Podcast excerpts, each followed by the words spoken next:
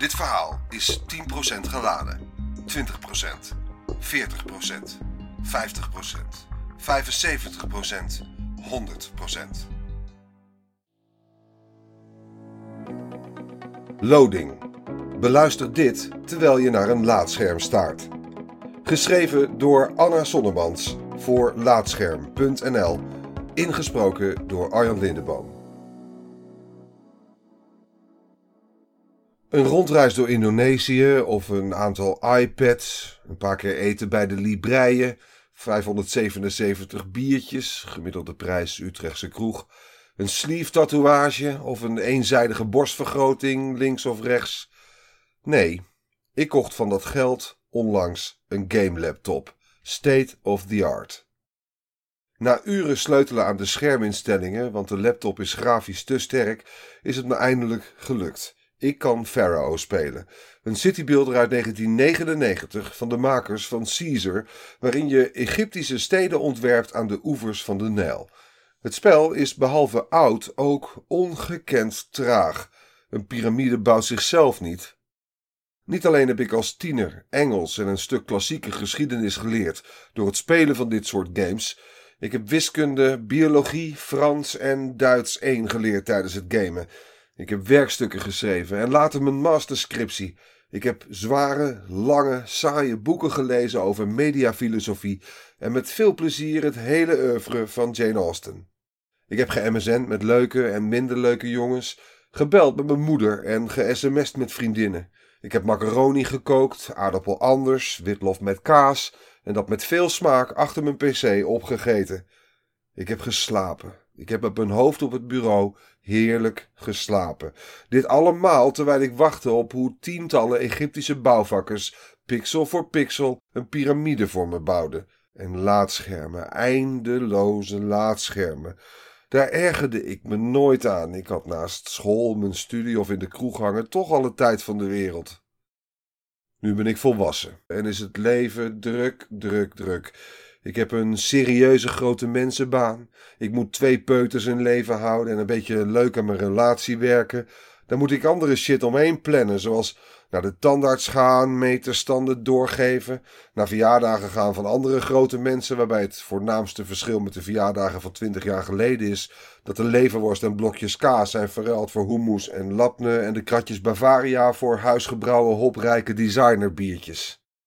Begrijp me niet verkeerd, ik ben dolgelukkig in mijn sleur, maar tot rust komen lukt me niet altijd.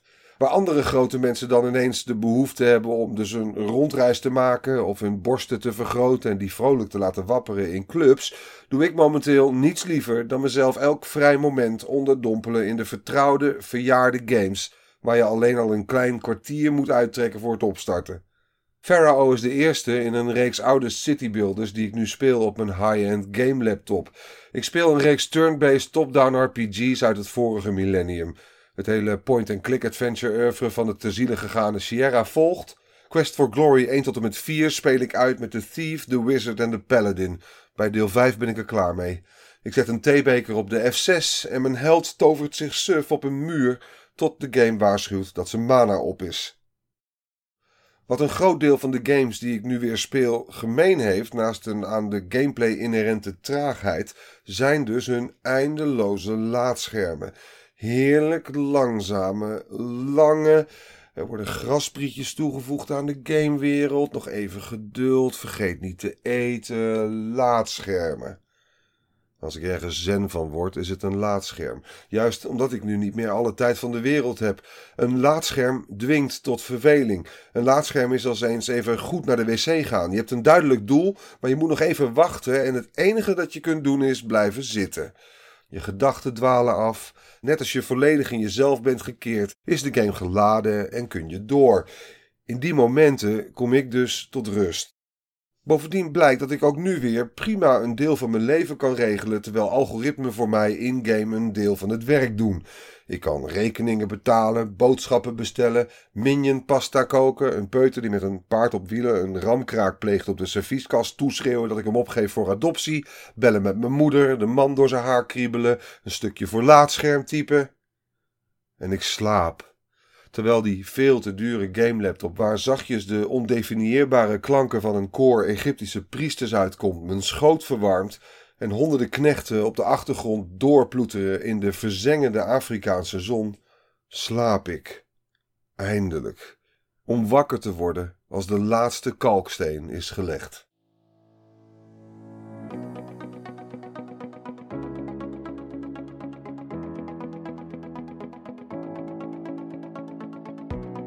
Dankjewel voor het luisteren naar Laatscherm voorgelezen.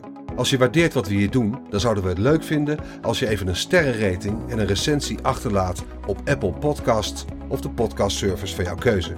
Abonneer je ook op onze andere podcast, Praatscherm. En ga voor deze en meer verhalen, geschreven of gesproken, naar laatscherm.nl.